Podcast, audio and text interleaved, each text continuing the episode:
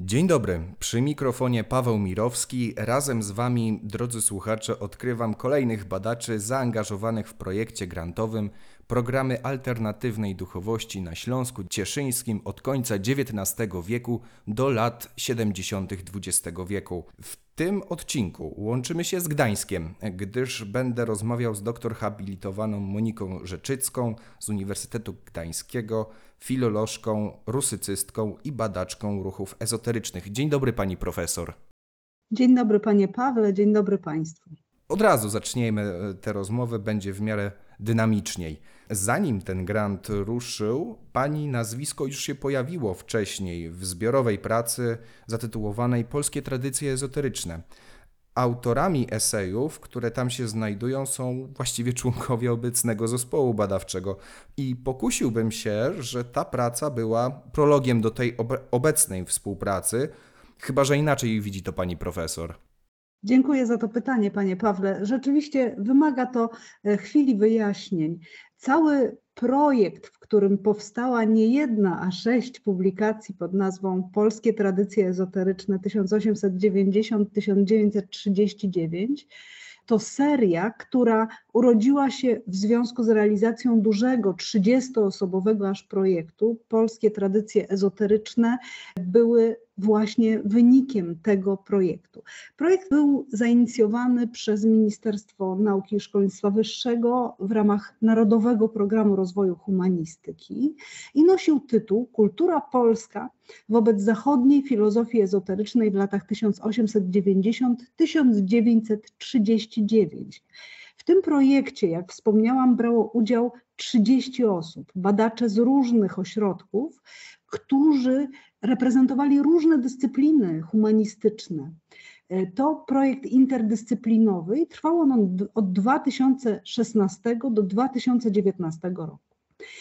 Pierwszym tomem tej serii, która powstała, była teozofia i antropozofia w ramach właśnie polskich tradycji ezoterycznych i w istocie zespół, który bierze udział e, w projekcie Śląska Cieszyńskiego, to autorzy, współautorzy tej pierwszej, ale także drugiej pozycji, która nosiła tytuł Formacje ludzie i idee, a także czwartej dotyczącej źródeł i materiałów, a także piątej idei przewodnich. A więc projekt Śląsk Cieszyński jest naturalną kontynuacją tych badań, które rozpoczęliśmy zbiorowo i interdyscyplinarnie, dotyczyły te badania bardzo szerokiego, szeroko pojętego ezoteryzmu zachodniego na ziemiach polskich i wówczas sam obszar Śląska Cieszyńskiego, też Wisły, właśnie w okresie II Rzeczpospolitej i jeszcze przed odzyskaniem niepodległości, również wydał nam się szczególnie interesujący. I na pewno wyznaczyliśmy go jako jeden z tych właśnie obszarów, który będzie podlegał dalszym badaniom. Stąd no, moja ogromna satysfakcja po pierwsze związana z tym, że to właśnie pani profesor Izabela Czcińska objęła szefostwo tego projektu e, obecnego, a po drugie, że mam możliwość brania udziału w tych badaniach. One rzeczywiście są takie konsekwentnie prowadzone przez cały nasz zespół. Tych mikro projektów, chociaż trudno nazwać projekt śląski mikroprojektem, ale takich mniejszych, które obejmują zespoły kilkuosobowe, jest w tej chwili kilka i one dotyczą różnych zjawisk związanych e, z ezoteryzmem w Polsce i to przed 1939 rokiem, ale też po zakończeniu II wojny światowej. Ja pamiętam spotkanie inaugurujące naszą pracę, jak zjechaliśmy do Wisły. Pani się, profesor łączyła z nami zdalnie, ale właściwie to już to były. Ciężko było się przedstawić jako tako, a raczej przedstawiało się tematy zainteresowań i obszary badawcze, problemy, jaką, jakie się będzie zespół zajmował. A tak właściwie to wszyscy byli mniej więcej na ty taka ciekawostka z tego spotkania. Bardzo przyjemna atmosfera była na każdych e, formalnych zebraniach. Przejdźmy jednak właśnie do, do tych problemów badawczych, bo otóż Duża część zespołu zajmuje się przede wszystkim tymi nurtami duchowości, które nie mają formy zinstytucjonalizowanej religii. No, może z wyjątkiem paru osób, gdzie właściwie to hmm, choćby pan profesor Kasperek e, pracuje wśród duchownych chrześcijańskich, ale a pytanie do pani profesor jako specjalistki od e, ezoteryzmu i antropozofii, czy właśnie antropozofia to jest też forma zinstytucjonalizowanego ezoteryzmu, czy, to są, czy można tak traktować ezoteryzm jako pewna forma nie nurtu alternatywnego, tylko jako pełnej formacji całego systemu? Dziękuję Panie Pawle. To bardzo interesujące pytanie, na które też trudno jednoznacznie odpowiedzieć. Y, sama jestem ciekawa, jak odpowiedzieliby na to pytanie sami antropozofowie, dzisiejsi i ci sprzed 100 lat. Moim zdaniem Odpowiedź na to pytanie wymaga krótkiej charakterystyki antropozofii jako takiej, mhm. ponieważ było to, jest to zdecydowanie formacja inicjacyjna, tak? która zakłada pewną duchową inicjację. Na jej czele stał doktor filozofii Austriak Rudolf Steiner. Steiner y, był niezwykłą osobowością, człowiekiem wysokiej kultury, niezwykle wykształcenia, bardzo szerokiego, bardzo szerokich horyzontów, ale też człowiek, który posiadał swoiste poznanie świata duchowego, jako osobiste doświadczenie. I teraz Rudolf Steiner na początku mm, swojej działalności nienaukowej, oficjalnej, tej związanej z nauką e, wiedeńską, a później niemiecką, a właśnie w swojej działalności tej związanej z nurtami ezoterycznymi, on y, z pewną uwagą przygląda się towarzystwu teozoficznemu. Y, na początku jest bardzo sceptyczny, ale szybko rozumie, że w ramach tego towarzystwa teozoficznego, mówimy o 1902 roku, może głosić swoje oryginalne, inne niż teozoficzne, nieco inne poglądy, e, poglądy na świat duchowy, na to niezwykłe duchowe poznanie, poznanie wyższych światów. I tak się rzeczywiście dzieje. Czyli antropozofia, którą zakłada, czyli daje początek Rudolf Steiner, e, formalnie jest na początku związana e, z organizacją, którą znamy pod nazwą Towarzystwa Teozoficznego. Jest to tak zwana sekcja niemiecka. I teraz w ramach tej sekcji niemieckiej mamy przede wszystkim krąg zainteresowanych teozofów niemieckojęzycznych. Sam Steiner jest niemieckojęzyczny, nie posługuje się biegle innymi językami, ale ma współpracownicę Marię von Sievers, potem Steiner, jego żonę, która jest tłumaczką z pięciu języków i z wszystkimi osobami innego, z innych systemów językowych no, służy mu pomocą. W każdym bądź razie zdecydowanie ta sekcja niemiecka jest oparta na myśli Steinera. I tak się dzieje do 1912 roku za porozumieniem z e, Ani Bezant, która jest szefową Towarzystwa Teozoficznego, że Steiner w ramach tej sekcji niemieckiej głosi jednak poglądy swoje, odmienne od tego, co głosi teozofia. Oczywiście z miejsc wspólnych jest bardzo dużo, mhm. ale to doktryna wybitnie oparta na tradycjach zachodniego, ezoterycznego chrześcijaństwa. W przeciwieństwie do teozofii, której dominanta wówczas to jednak e, wierzenia wschodu. Oczywiście tam wątki chrześcijańskie są, ale sposób no, oglądania światów duchowych i też definiowania ich jest rzeczywiście inny. W 12 roku dochodzi do pewnego, y, no takiego dosyć radykalnego rozrywu pomiędzy teozofami i antropozofami. I wówczas powstaje towarzystwo antropozoficzne, na czele którego staje Rudolf Steiner i to pęknięcie jest bardzo widoczne właśnie też w takich formalnych decyzjach tak? To już są dwie zupełnie oddzielne e, formacje, ale jeszcze nie mające takiego, takiej formy zinstytucjonalizowanej. O instytucji Towarzystwa Antropozoficznego z takiego prawnego, formalnego punktu widzenia możemy mówić w zasadzie od 1924 roku. Antropozofowie mają swoją siedzibę do dzisiaj zresztą e, w Dornach, w Goetheanum. To jest miejsce niezwykłe wszystkim Państwu, którzy znajdą się w Szwajcarii, e, w okolicach Bazylei. E, polecam wycieczkę do Dornach, wystarczy wsiąść do tramwaju. i tam obejrzeć budynek tak zwanego drugiego Geteanum. Pierwsze niestety spłonęło w 23 roku. Ale w tym 24 wracam do kwestii instytucji. W 24 roku dochodzi do pewnych ustaleń prawnych.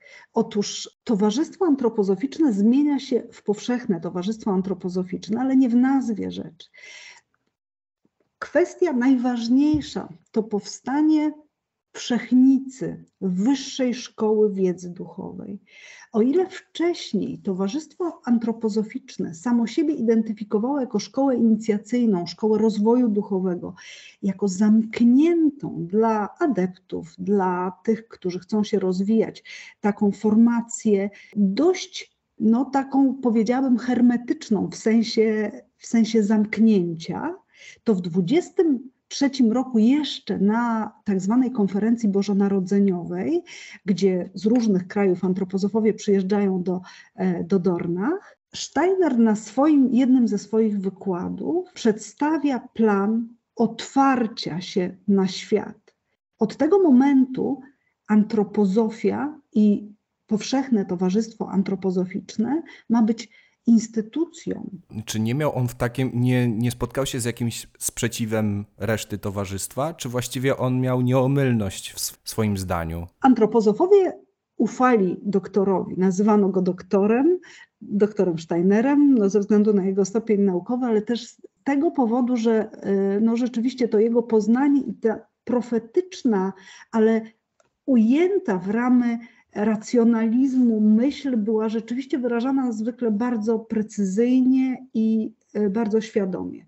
Mhm. Oczywiście wiedziano, że w ten sposób Towarzystwo Antropozoficzne naraża się na jeszcze większy, dziś powiedzielibyśmy hejt, ze strony zewnętrznych obserwatorów. Proszę pamiętać, że 23 rok, czyli wtedy, kiedy jest konferencja bożonarodzeniowa, to jest rok, kiedy dosłownie 11 miesięcy później ktoś, wiadomo kto, podpalił pierwsze geteanum, które budowano wspólnie, dlatego że Towarzystwo Antropozoficzne wydawało się tam w Szwajcarii, wydawałoby się tolerancyjnej, wydawało się niebezpieczne ze względu na swoje alternatywne programy duchowości. I teraz w 24 roku Steiner mówi: Musimy się otworzyć, nie możemy pozostać w takim zamknięciu, dlatego że nasz, po pierwsze, instytucje, czy raczej koła, czy formacje krajowe muszą działać w swoich krajach europejskich i pozaeuropejskich, po to, żeby też dostosowywać się do, do specyficznych warunków tych krajów, ale też, żeby ludzie mieli pełną świadomość, do czego dążymy i że w żaden sposób nie jesteśmy zagrożeniem dla świata. Chcemy, żeby świat, owszem, chcemy, świat, żeby świat, ludzkość stała się inna, ale e, nie gorsza i nie niebezpieczna. I to jest przełomowy mo moment. Wówczas te mm, rozmaite nurty w ramach samej antropozofii przybierają takie formy sekcji tematycznych naukowych, bo to wszechnica, bo to wyższa szkoła. Więc mamy i rolniczą sekcję biologiczną, matematyczną, astronomiczną, pedagogiczną. Mamy też cały dział, który będzie się zajmował polityką, tak zwanym trójpodziałem. To są bardzo ważne elementy systemu, który ma zadziałać w przyszłości. I to wszystko właściwie, jeżeli ta przemiana duchowa, mam rozumieć, że każda ta sekcja, ona traktuje w jakiś uduchowiony sposób tę rzeczywistość fizyczną i materialną, czy, i nawet też życie polityczne, tak? Bo tak mówi się o tej antropozofii, ale też czym miałaby się przejawiać życie antropozofa w kształceniu się duchowym? Pokrótce chciałbym to, niestety pokrótce właśnie, bo też kolejne pytania, a tutaj pani profesor niezwykle rozgałęzia i ja tak, żeby dokończyć to pytanie, chciałbym... E, rozumiem. Wie pan, bardzo trudno odpowiedzieć krótko na to pytanie. Rzeczywiście każda z tych sekcji, jeszcze zapomniałam e, powiedzieć o sekcji sztuki, ponieważ cały dział Wszechnicy dotyczy również nowej sztuki, która ma też swoją rolę w poznaniu światów duchowych. E, każda rzeczywiście z tych, e, z tych dyscyplin e, i medycyna ma być rozwijana w takim, nawet trudno powiedzieć, dualizmie. Chodzi o to, że my ludzie utraciliśmy możliwość bezpośredniego, zmysłowego docierania do owych wyższych duchowych światów, ale nic straconego, powiada Steiner. To wszystko jest związane z ewolucją człowieka, i teraz naszym zadaniem jest wypracowanie dla człowieka współczesnego takich narzędzi poznania, które pozwolą nam uzyskać owo poznanie wyższych światów. I teraz świat ten, który widzimy dzisiaj, jest znacznie większy, szerszy, głębszy i ma dużo więcej znaczeń, tak? Jest wpisanych mhm. w jego istnienie. Rzecz w tym, żebyśmy my mieli, uwaga, i to jest bardzo ważne, świadomy dostęp do tego, ponieważ zdaniem Steinera ten dostęp do wyższych światów istnieje i w czasach współczesnych, ale jest on w pewnym sensie u niektórych y, wybranych zupełnie jednostek do pewnego stopnia spontaniczny, a zatem niekontrolowany. Nie ma powiązania bezpośrednio ze świadomością. A Steiner jest uczonym, naukowcem i on opracował metodę poznania wyższych światów, tak żeby ona była tak jak każda metoda naukowa, powtarzalna, weryfikowalna. To wymaga długiego czasu, długich ćwiczeń i niewątpliwie nie jest łatwą sprawą. E, no ale nikt nie powiedział, że ma być łatwo. Nauka nie jest łatwa, tak?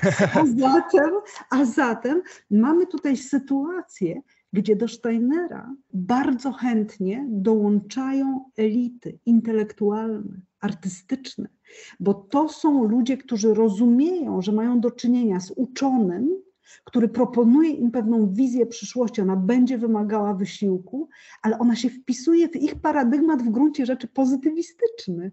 Rozumie pan? Poznanie, Rozumiem. rozszerzenie poznania. No właśnie, to i to właściwie w jakiś sposób mówi się o tym, to, o tym poznaniu, i to już sprawia fakt, że ta rzeczywistość, e, to jak, to jak traktują siebie członkowie Towarzystwa Antropo Antropozoficznego, jak w ogóle traktują życie współczesnego człowieka, ono się różni. To, to jest bardzo ewidentne, że jest ta różnica religii chrześcijańskiej i właśnie w tym Towarzystwie Antropozoficznym. I właśnie chciałbym powrócić do Śląska Cieszyńskiego, bo pani ma się zajmować ruchami ezoterycznym e, na tym obszarze. Śląsk Cieszyński, który jest regionem niezwykle związanym ze wszystkimi związkami wyznaniowymi od, e, od chrześcijańskimi, luteranie, kalwini, katolicy, inne też wyznania chrześcijańskie. I tutaj pojawiają się ludzie z nurtów ezoterycznych to właśnie w takim wypadku to by wynikało, że takie towarzystwo antropozoficzne czy teozoficzne wcześniej, wola, wydaje mi się, że nie chcieli przyciągać na siebie dużej uwagi, dopóki Rudolf Steiner pewnie nie ogłosił tego otwarcia się na świat. Co, wynik, co w konsekwencji by się pewnie przekładało, że trudno jest dojść do tych źródeł. Czy jak się, jak się bada właśnie takie nurty alternatywne w regionie, który był na wskroś mm, religijno-chrześcijański? Tak, ma Pan, Panie Pawle, rację. To nie są łatwe badania. Z drugiej strony te badania wstępne, które przeprowadziliśmy między rokiem 2016-2019, pozwoliły nam no, rozpoznać teren szerzej. E, ta trudność generalnie związana jest w ogóle z obszarem II Rzeczpospolitej, dlatego że o ile w innych krajach europejskich recepcja antropozofii wydaje się była dość, no, w jakimś stopniu jednak łatwiejsza. Chociażby mam na myśli tutaj kraje naszego regionu, czyli na przykład Czechosłowację, ale też na przykład Rosję, tak? Mhm. Ale też o Niemczech nie wspomnę, tak? Ale generalnie Europa była zdecydowanie bardziej otwarta niż Rzeczpospolita. Jednak w Polsce udało się otworzyć e, po pierwsze Polskie Towarzystwo Antropozoficzne. Ono już zostało sygnowane. Pierwsze jaskółki pojawiły się już w 1923 roku, bo taka była wola już, żeby te, w tą instytucjonalną stronę iść, taka była wola Steinera to y, i mamy, mamy y, oddziały w Krakowie, mamy oddziały w Lwowie, w Warszawie. Natomiast na Śląsku Cieszyńskim oddziału antropozofii Polskiego Towarzystwa Antropozoficznego nie ma.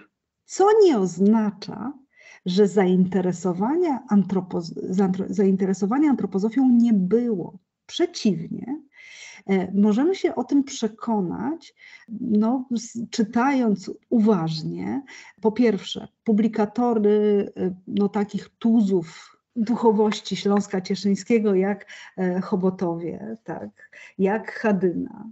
Tam trafiamy na dokumenty opublikowane, które wprost odwołują się do Rudolfa Steinera i jego koncepcji.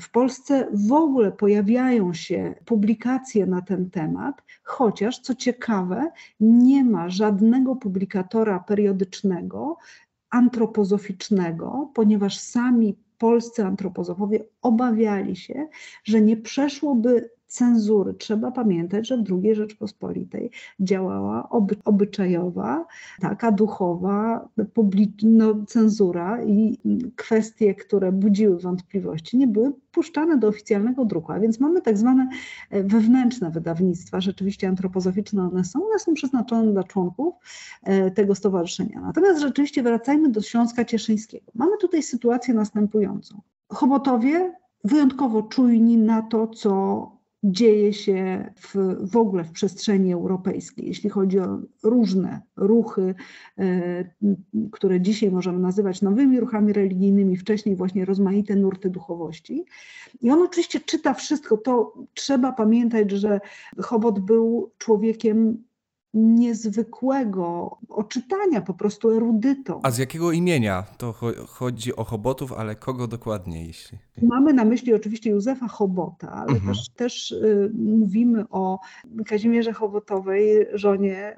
Wiemy o tym, że no, ich księgozbiór był imponujący. Mhm. Wiemy to, że to, co się ukazywało w odrodzeniu, było rzeczywiście y, no, takim przeglądem rozmaitych nurtów krytycznym, ponieważ szukano takiej receptury na polską duchowość i specyficznie na śląską duchowość, która byłaby nie tyle eklektyczna, więc wszystko do jednego worka, tak? bo taki mhm. jest eklektyzm, tylko synkretyczna w tym sensie, że brałaby z różnych nurtów to, co najlepsze, najwłaściwsze dla rozwoju, dla rozwoju duchowego człowieka współczesnego w tym określonym regionie.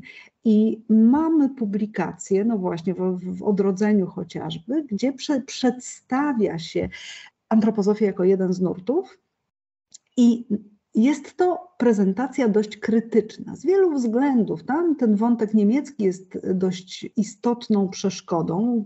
Chobotowi zależało bardzo na no, podkreśleniu takiego jednak polskiego, narodowego, patriotycznego charakteru tego programu duchowości, który powinien był się pojawić. I teraz kwestia, która pojawia się zaraz jako następna. Tak? Skoro ma się pojawić coś tutaj, to czy możemy no, korzystać z tych dobrodziejstw antropozofii, czy też, czy też nie.